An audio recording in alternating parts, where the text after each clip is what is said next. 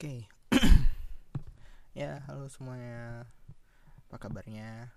Selamat datang di Arvi Pra on Podcast episode 7 pada tanggal uh, 17 Januari 2017. Hmm, gimana minggunya? Gimana awal minggunya? Apakah menyenangkan? Ya, semoga apa yang ya semoga apa semoga semakin semoga lah ya. Oke jadi eh, 13 Januari kemarin eh, Nintendo tuh ngadain acara ya hmm, untuk memperkenalkan konsol terbaru mereka yaitu Nintendo Switch.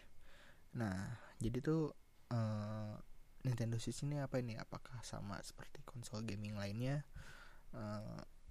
apa mengedepankan kekuatan grafis yang sangat tinggi sehingga menampilkan gambar yang sangat realistik atau apakah seperti konsol Nintendo sebelumnya? Jadi eh, konsep Nintendo Switch ini adalah eh, lu bisa main dengan apa ya game kelas konsol rumah. Jadi maksudnya bisa main di rumah gitu ya pakai TV tapi kalau misalkan ternyata ada sesuatu yang mendadak dan lu harus keluar rumah lu masih bisa ngelanjutin game tersebut gitu. Jangan ngebawa si Nintendo Switch tersebut. Jadi ya katakanlah si Nintendo Switch ini uh, apa konsol sekaligus handheld gaming lah seperti itu. Nah kalau misalkan untuk main di rumahnya itu udah disediain docknya di docknya itu ada uh, slot USB sama HDMI untuk koneksi ke TV uh, USB-nya gue nggak tahu kayaknya buat uh, apa ya gue juga masih belum tahu itu buat apa. Cuman yang pasti slotnya ada. Uh, terhubung dengan si konsolnya si Nintendo Switch-nya itu melalui port USB Type C. Jadi sekali lagi Type C udah mulai uh, diperkenalkan dalam dunia gaming. Seperti itu. Nah pas waktu dibawa keluar ya di mode handheld itu tuh kalian bisa uh, jadi si si controllernya tuh nanti disambungin ke si apa namanya si konsolnya. Jadi kayak semacam game Game Boy gitu dengan layar 6,2 inch. Seperti itu. Nah tapi uh, minusnya adalah pada saat kalian bawa untuk handheld resolusinya turun jadi 720p di mana kalau misalkan apa main di TV via dock itu bisa nyampe 1080p resolusinya seperti itu. Nah uh, ya yang menarik dari Nintendo Switch ini sebenarnya gue sih ngelihatnya dari konsep tadi tuh uh, bisa main di rumah terus bisa dibawa keluar. Nah dibawa keluarnya juga nggak uh, nggak apa namanya nggak nggak harus dimatiin dulu atau misalkan gamenya harus dikeluarin dulu nggak. Tapi langsung aja misalkan lagi main misalkan main Mario Kart main Mario Kart terus si ininya apa kalian pengen keluar gitu kan nggak harus apa konsolnya dimatiin dulu baru dicabut baru main lagi terus ngelot lagi enggak. Tapi kalian tinggal tinggal ya katakanlah pause aja gitu kan. Pause doang terus si Nintendo Switch-nya dicabut aja tuh. Si layar apa screennya yang di Nintendo Switch langsung jalan persis seperti apa yang kalian terakhir lihat di TV gitu. Jadi ya simultan aja nggak nggak ada ritual apa pun khusus untuk uh, mengubah dari uh, konsol game ke handheld game gitu. Which is sangat-sangat uh, keren gitu kan. Nggak uh, usah nunggu apa-apa dan segala macam saya fitur ini tuh uh, sama Microsoft sempat mau dibawa ya. Sempat mau dibawa tapi bukan bukan bukan dalam satu device doang. Jadi ya waktu, waktu dulu sempat Microsoft bilang ya uh, ini kita mau mengoptimalkan antara Xbox Windows dan Windows Mobile sehingga uh, nanti kalian bisa uh, apa namanya misalkan kalian main game di Xbox terus kalian harus keluar kalian bisa lanjutin di Windows Mobile terus ke nyampe rumah temen rumah temen pakai Windows terus kalian tinggal sign in Microsoft akun kalian uh, kalian langsung bisa main di PC teman kalian gitu. Nah tapi itu yang di yang ditawarkan ternyata cuman cloud save nya aja. Bukan main game secara simultan. Ini jadi tetap harus ada ritual untuk download game terlebih dahulu. Uh, seperti itu dan lain-lain segala, segala macamnya gitu kan. Sedangkan yang ini ya kalau pengen main keluar ya tinggal cabut aja. Terus nggak ada tuh apa kayak ya jangan langsung jangan langsung dicabut ntar rusak. Ya enggak emang emang begitu cara mainnya gitu jadi ntar kalau misalnya ada yang beli ya nggak usah takut-takut untuk langsung apa nyabut si switchnya dari dock karena emang gitu cara mainnya.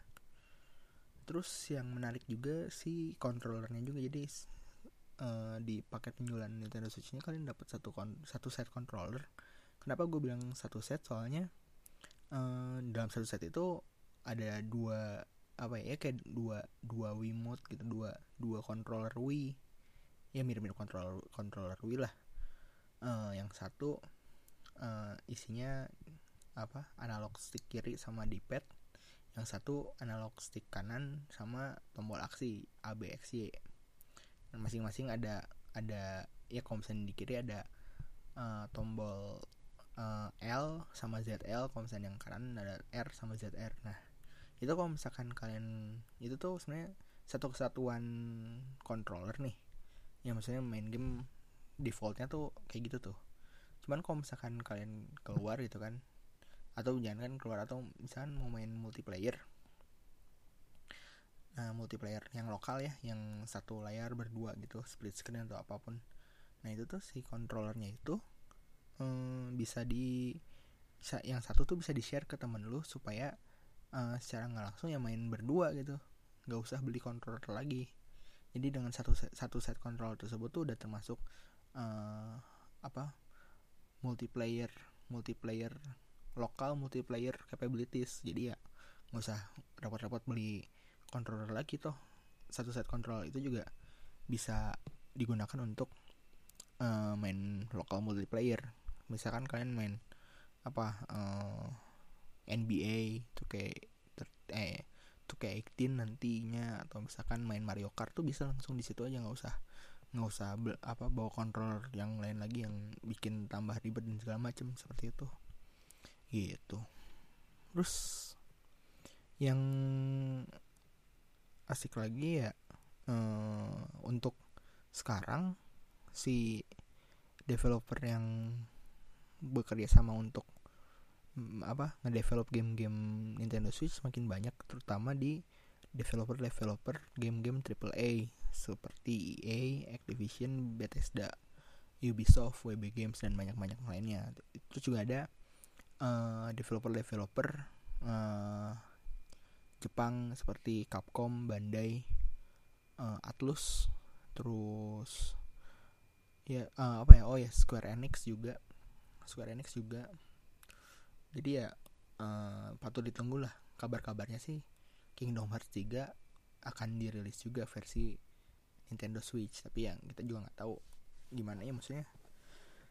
Uh, dengan dukungan developer-developer triple A tadi ya kita bisa berharap aja kalau misalkan akhirnya kita bisa menikmati game-game kualitas triple A di handheld tanpa apa degradasi kualitas dan segala macamnya sebenarnya kan di PS Vita sama di Nintendo 3DS juga kan banyak lah gamenya cuman kan nggak nggak bisa dibilang game triple A banget karena itu rata-rata ya cuman komplement komplementari dari apa yang udah ada di konsol.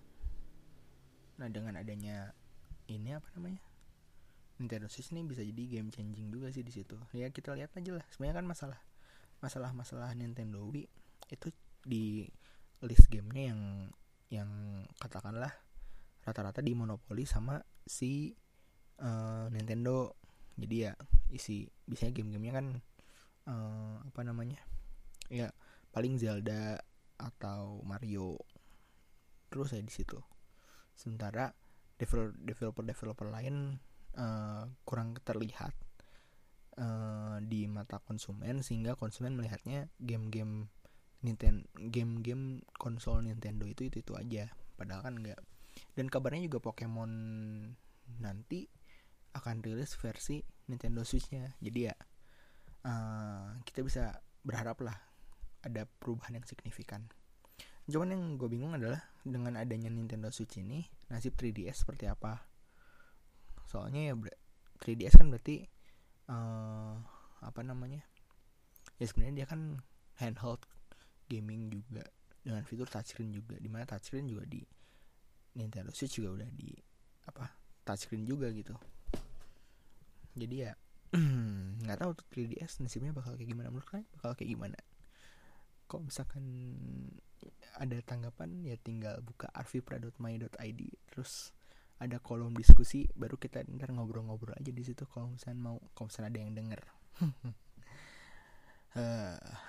oke okay, jadi ya pada intinya adalah Nintendo akan merilis Nintendo Switch ini pada tanggal 3 Maret 2017 dengan harga 299 dolar.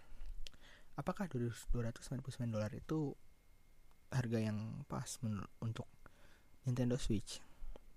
Uh, kalau misalkan gue ngeliat dari kapabilitas handheld dan konsol at the same time sih dua ratus dolar.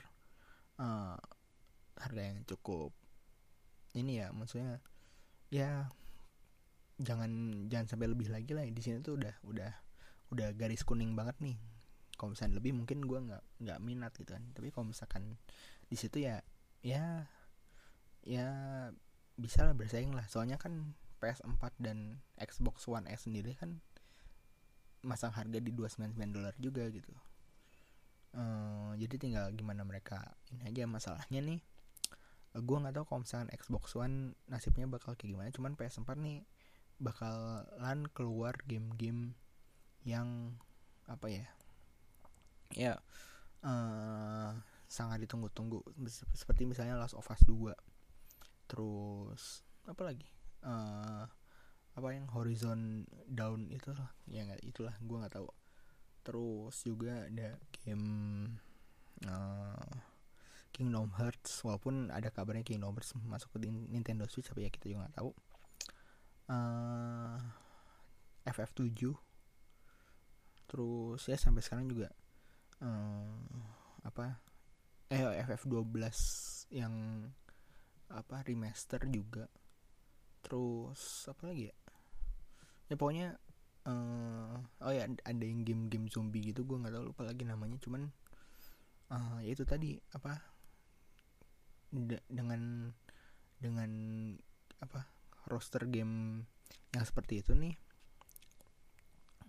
kalau misalkan si Nintendo Switch nggak nggak nggak ngasih game-game yang bagus ya menurut gue sih bakal bakalan apa ya redup. Di awal-awal tuh bakalan redup baru um, keluarnya tuh pas waktu 2018 atau 2017 akhir 2018 awal karena di situ mulai muncul game-game yang andalan-andalannya gitu kan. Nah berbicara dengan berbicara mengenai game-game andalan ini juga sebenarnya sedikit problem juga masalah launch title. Jadi ya launch title itu game yang rilis barengan sama si Nintendo Switch. Nah game-game yang rilis bareng sama Nintendo Switch ini itu ada berapa aja ya? Lupa. Uh, oh ini nih ya ada One to Switch itu game dari Nintendo mini game mini gamenya gitu. Uh, mengandalkan fitur apa infrared motion kameranya si kon controllernya gitu si Joy-Connya. Terus juga ada Legend of Zelda yang Breath of the Wild yang apa uh, memang digembar-gemborkan dari awal pas waktu mereka bakalan ngerilis Nintendo Switch gitu kan. Ya untungnya aja nih Legend of Zelda jadi launch title. Kalau misalkan nggak ada Legend of Zelda gue nggak yakin si Nintendo Switch ini apa ya bisa bersaing lah. Karena um, belum ada game-game yang ini gitu. Belum ada game-game yang bisa keep up pada saat itu juga yang jadi alasan orang harus beli si uh, konsolnya gitu kan. Ya kayak gitu. Ya begitulah. Apakah kalian mau beli Nintendo Switch ini? Gue nggak tahu juga sih. Gue sebenarnya pengennya tahun ini tuh gue beli PS4 tapi ya lihat dulu lihat ntar dulu lah. Masih bingung juga nih PS4 nih bakal kebeli atau enggak. Soalnya gara-gara personal 5 sih. Apa personal 5 main di, di rental aja ya? Gitu. Itu dari dari Nintendo Switch. Ya menurut saran dari gue sih uh, jangan langsung kalap ya. Langsung wah ini baru rilis beli beli beli beli. Janganlah janganlah. Apa? Mendingan dilihat aja dulu kira-kira uh, awal-awalnya seperti apa. Terus game-game yang bakal keluar nanti seperti apa. Ya tunggu tunggu liburan Natal mungkin baru beli game atau kalau misalkan punya duit berlebih pas waktu summer juga bisa waktu yang pas untuk beli gitu kan. Ini masalahnya pas waktu winter mungkin harganya sendiri udah cukup turun. Mengingat 2017 ini uh, apa? Ya akan keluar apa namanya? X eh, Project Scorpio dari Xbox ya mungkin bisa turun tapi ya nggak tahu juga sih. Gitu. Ya itu tadi dari Nintendo Switch 13 Januari ini. Hmm, bahas apa lagi ya? Uh, jadi tadi tadi sore ya tadi siang sore itu gue nonton lagi cek toko sebelah yang kedua kalinya. Sebelumnya gue udah nonton uh, ini salah satu film Indonesia yang sangat worth it untuk ditonton dua kali atau mungkin tiga kali. Kenapa? Soalnya uh, asik nih sekalian nge-review film ya. Gila, habis gaming langsung film. Oke, okay, uh, jadi si apa namanya si cek toko sebelah ini ya sinopsisnya kalian bisa cari lah ya. Terus juga ini juga kan cukup udah cukup lama ini film dari akhir Desember. Gue baru bahas sekarang. Ya apa? Ya bebas lah ya. Uh, gimana? Mulai dari mana ya? Ya uh, kenapa gue bisa bilang ini film yang worth it untuk ditonton dua kali atau lebih? Karena uh, replay value-nya ada. Dan itu tuh dan misalkan ya jadi gini deh pas waktu uh, eh, gue nonton yang pertama kali nih nonton yang pertama kali itu gue gue tuh terlalu fokus sama ceritanya. Gue gue terlalu fokus sama ini siapa konfliknya apa resolusinya apa uh, penyelesaian masalahnya seperti apa dan lain segala macamnya gitu kan. Uh, padahal uh, itu pun gue kayak pas waktu nonton yang pada saat yang pertama itu ya. Itu tuh di tengah-tengah tuh ada penonton sebelah gue gitu nyeletuk kalau misalkan eh itu lihat bajunya si uh, Awe sama si Ajis gitu kan. Brandnya lucu apa kata-katanya lucu terus brandnya kayak parodi-parodi gitu. Terus gue lang sedikit nyesel gitu soalnya kayak ah gue gue miss berarti gue miss beberapa scene yang ada mereka dan gue penasaran dan segala macam nah seperti itu.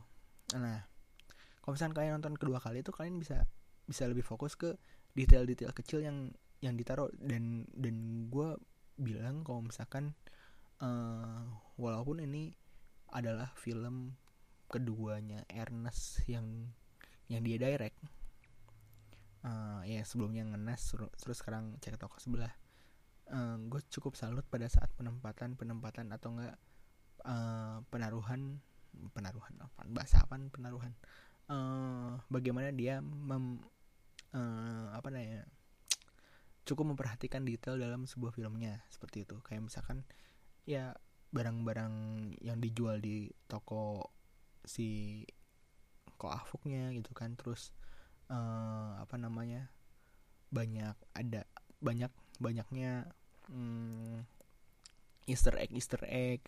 Seperti misalkan ada anak anaknya Ernest terus uh, apa bahan bahan-bahan kayak uh, apa ya banyak ya Easter egg Easter eggnya lah. Itu tuh kan bisa cari dan bisa cari dan lihat itu terus juga apa set set lokasi set lokasi sama uh, apa namanya uh, ya perlengkapan dan lain-lainnya itu tuh bagus. Menurut gue gue suka. Terus juga uh, gue bisa lebih fokus sama uh, si soundtrack filmnya dan lain-lain.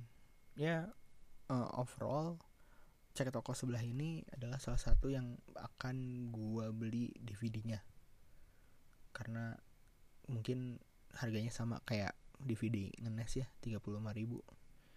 Ya untuk 35 ribu DVD original lumayan lah. Kayak gitu. Ya uh, cek toko sebelah menarik uh, apa ya ceritanya itu nggak um, nggak muluk-muluk. Sebenarnya konfliknya juga konflik internal banget tapi bisa disajikan dengan bagus. Orang langsung bisa merasakan uh, emosinya dan lain-lain. Jadi ya uh, kudos lah buat Ernest ya. Uh, tahun ini dia bakal bikin apa spesial separuh jalan atau apa gitu gue lupa. Ya pokoknya dia bakal bikin spesial berarti ya gue nggak tahu kapan lagi dia bikin film. Rata-rata dia bikin film ini sih. Memang tentang keresahan keresahannya dia kayak ngenes terus juga ngenes ngenes ya ngenes. Ngenes terus juga ini cek toko sebelah juga. Kayak akhirnya kita bisa ngeliat gimana uh, apa konflik keluarga keluarga apa Tiongkok bukan Tiongkok sih. Orang Indonesia berketurunan Tiongkok. Ya gue tahu. Maaf. Gitu. Hmm, cuman yang yang gue sebelin tuh eh ini gue kasih tips juga sekalian deh. Uh, kalau misalkan nonton bioskop kenapa sih pada seneng banget ngefotoin layar? Kayak kalau misalkan emang gak cukup apa ngefotoin tiketnya aja gitu ya itu kan kalau misalkan ngefotoin layar tuh maksudnya ganggu yang lain juga gitu. Kan gimana sih? Uh, emang yang nonton di situ tuh kan cuma kalian doang. Terus juga apa lagi ya? Uh, ya sebenarnya gue sama film tuh ada apa ya ikatan yang cukup uh, emosional sih. M maksudnya gue gue selalu berpikir bahwa nonton film di bioskop itu adalah sebuah ritual khusus uh, yang kalau misalkan diganggu nih aduh kas aduh nyebelin banget gitu. Maksud gue ritual khusus dulu ya ya uh, ini tuh nonton film di bioskop tuh kayak at, uh, jalur ter tercepat untuk berkomunikasi apa berkomunikasi antara si sutradara film ke guanya gitu. Jadi ya kan pasti film itu kan menyampaikan suatu pesan dan segala macam kan. Nah itu tuh ya kalau misalkan diganggu sama hal, -hal eksternal ya apa keganggu pesan. Jadi kita gue nggak bisa menikmati banget. Kayak gitu sih. Ya buat gue sih buat gue tuh nonton film tuh sakral lah. Gitu. Uh, tips-tips. Gue gue ada beberapa tips sih untuk nonton film. Uh, yang pertama kalau misalkan kalian melek teknologi atau misalnya ya bukan melek teknologi sih melek internet saya kan banyak tuh yang bisa menyediakan jasa-jasa beli tiket secara online gitu kan. Entah itu via Gotix eh bener ya namanya Gotix uh, Gotix terus MTix Book My Show. Uh, Cinemax juga dia menyediakan pembelian apa tiket via online. Ya saran gue sih. Tapi kalau misalnya gue kasih tahu ini semuanya bakal ngikutin. Ya ya udahlah uh, ya saran gue sih uh, tips dari gue adalah ya belinya beli tiketnya kalau mau via itu itu aja gitu nggak usah. Ya kalau misalkan mendadak baru lah boleh beli tiket via ini. Tapi kalau misalkan uh, emang direncanakan pengen nonton ya usah apa kalau mau sih nontonnya dipesan dulu gitu kan. Sehingga kalian bisa mendapatkan kursi yang enak. Gitu. Kalau misalkan ya misalnya siapa juga sih yang mau nonton hmm, apa? Kepalanya nenggak ke atas gitu gara-gara lainnya terlalu dekat gitu kan. Kayak gitu.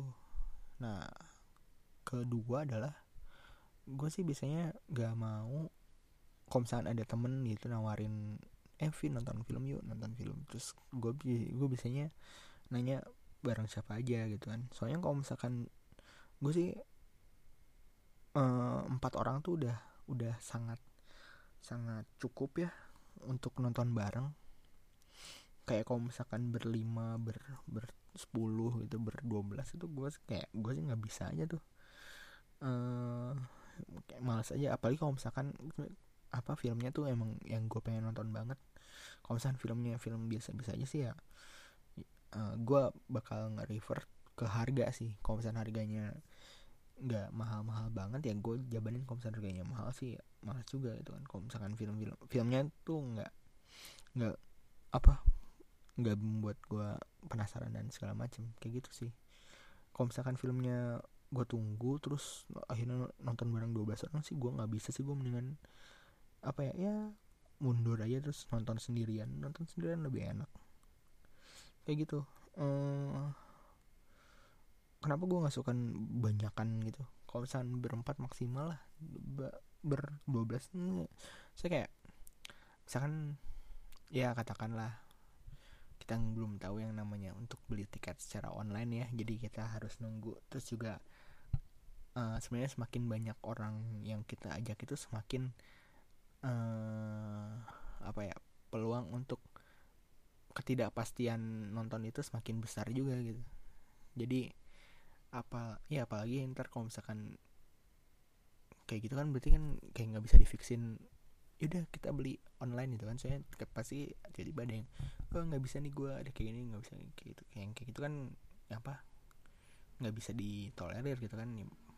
Terus kalau misalnya udah beli tiketnya kan ya mungkin dia juga sayang udah keluar duit gitu. Padahal misalnya katakanlah mendadak seperti itu. Jadi pasti beli tiketnya on the spot biasanya.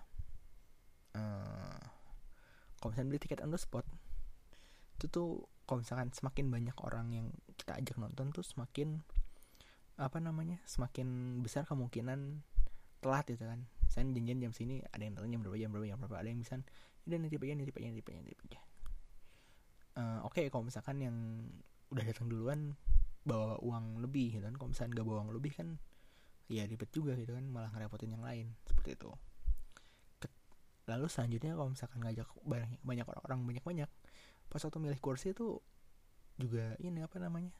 Ya gue gue gue juga nggak tahu sih heran uh, konsep di mana ya ini kalau misalnya gue nonton berdua belas nih dua belas dua belas ini harus deketan gitu. Kalau bisa dan deketannya tuh harus satu row gitu nggak bisa depan belakang. Nah itu aduh mendingan depan belakang aja lah daripada satu row gitu kan.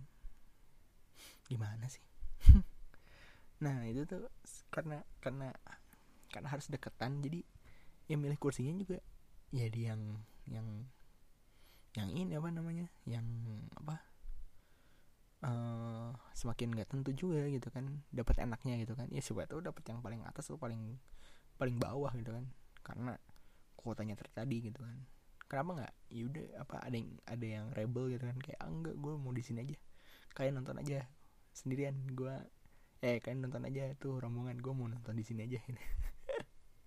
Ya gitu. Ya itu tadi lah. Terus ya nanti ngumpulin duitnya lah. Terus uh, pas waktu di bioskop karena karena mungkin kenal dengan apa orang yang ada di kanan kirinya gitu. Jadi kayak dengan gampangnya dia kayak banyak ngobrol dan segala macam. Jadi untuk membuat suatu kebodohan tuh enggak eh, enggak ini apa namanya enggak enggak takut untuk melakukan suatu kebodohan karena entah kenapa lu kayak yakin bahwa di situ ada bakal ada teman lu yang bakal nge-backup lu. Gitu. Ya itulah. Terus apa lagi ya? Tips dari eh, gue uh, ini dari Jaka Adi. Twitter at Jaka Adi. Dia ya ini gue apa dapat info dari dia kalau misalkan ya best spot di apa bioskop itu ya sepertiga dari jumlah kursi. Jadi kalau misalkan kursinya itu ada 10 eh, jangan jangan 10 susah berarti. Ada 9 ya ambil row ketiga. Kalau nggak row ketiga berarti row keempat. Terus cari yang paling tengah.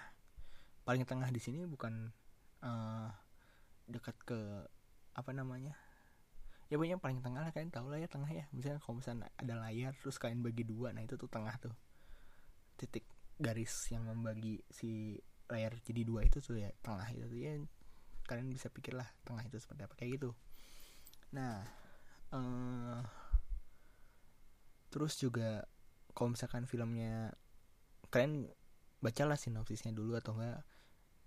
Minimal trailernya sehingga kalian tahu ini film tentang apa dan salah nggak salah nonton itu kan. Kayak misalkan ada yang apa kalian uh, pengen nonton film dengan rating dewasa tapi kalian bawa adik kalian yang masih SD gitu kan ya kasihan juga gitu. Dia dia bakal nggak ngerti dia bakal bingung dia bakal berisik dan lain-lain segala macam gitu kan. Uh, ya gitulah. Terus apa lagi ya? Hmm, ya usahain di bioskop. Nggak nggak terlalu no jangan terlalu norak lah. Ya moto pakai blitz.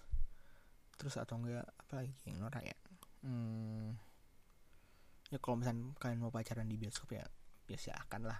Nggak gue mah nggak bebas bebas aja gitu kan. Yang penting nggak ganggu gue gitu. Uh, apalagi ya?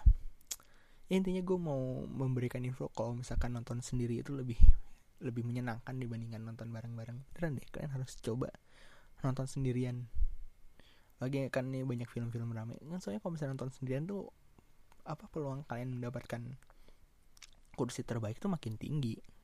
Karena ya kalian cukup sendirian aja dan sen satu kursi itu ya bisa ditempatin di mana aja tuh. Nggak harus misalkan ada slot terus kayak ah ini ada ada apa kayak nonton berdua ah ini tinggal satu doang di situ aduh harus di pojokan dan lain-lain. Ah ya kan ya sedih gitu lah. Ya itulah. Itu tadi uh, bahasan mengenai Nintendo Switch cek toko cek toko sebelah sama ya tips-tips nonton bioskop. Semoga kalian suka. Uh, kalau suka ya klik like. Kalau misalkan nggak suka ya komen aja nggak sukanya di mana. Ya kalau misalkan gue baca ntar gue coba perbaiki. Kalau misalkan yang gue gue nggak baca ya ya maaf maaf aja lah ya. Ya soalnya apa namanya? Ya kontribusi kalian buat gue juga apa sih? Ah uh, ya itu tadi. Kalau misalkan kalian mau subscribe ya boleh di SoundCloud. Tapi kalau misalkan uh, apa namanya pengen di SoundCloud gue cuman ngasih berapa apa 5 atau 6 track doang yang paling baru. Kalau misalkan kalian pengen nge-track back eh, konten-konten sebelumnya ya kalian bisa buka di arvipra.my.id di situ ada kalian bisa ngedownload kalian boleh ya ngedownload ini gratis bebas uh, apalagi ya? Hmm, oh ya misalnya kalian punya aplikasi punya bukan punya aplikasi kalian pakai iPhone di situ ada aplikasi podcast ya pakai tinggal search Arvi Praon Podcast nanti ada di situ Arvi Praon Podcast. Kalau kalian pakai HP Android kalian tinggal download apa aplikasi podcast di ini ya search di Play Store aja podcast gue sih pakai podcast Republic. Nanti di situ kalian bisa search Arvi Brown Podcast. Nah di situ ntar ada tinggal di subscribe ntar setiap kali ada post baru dia bakal ngasih notifikasi seperti itu. Uh, aplikasinya gratis tapi ada iklan. Bukan podcast gue yang ada iklan ya tapi aplikasi si podcast di publiknya kayak gitu. Ya pada intinya gue sih lebih pengen kalian nge-share ini ke teman-teman kalian lah biar banyak yang denger. Ya soalnya apa ya ini cuman cuman ini doang nih uh, ra, bukan ini doang maksudnya gue gue masih pengen bikin konten YouTube cuman konten video cuman aduh ngedit dan segala macamnya tuh butuh waktu lama. Sih dengan konten yang kayak tadi gitu kan gue paling cuma ngobrol doang kan di depan kamera paling ngasih gambar ngasih gambar doang ya ini audio kalian bisa dengerin sambil di mobil atau misalkan sambil jalan atau apalah ya. Ya udah uh, terima kasih itu aja dari gue. Uh, temukan passion kalian dan judul yang terbaik. Dadah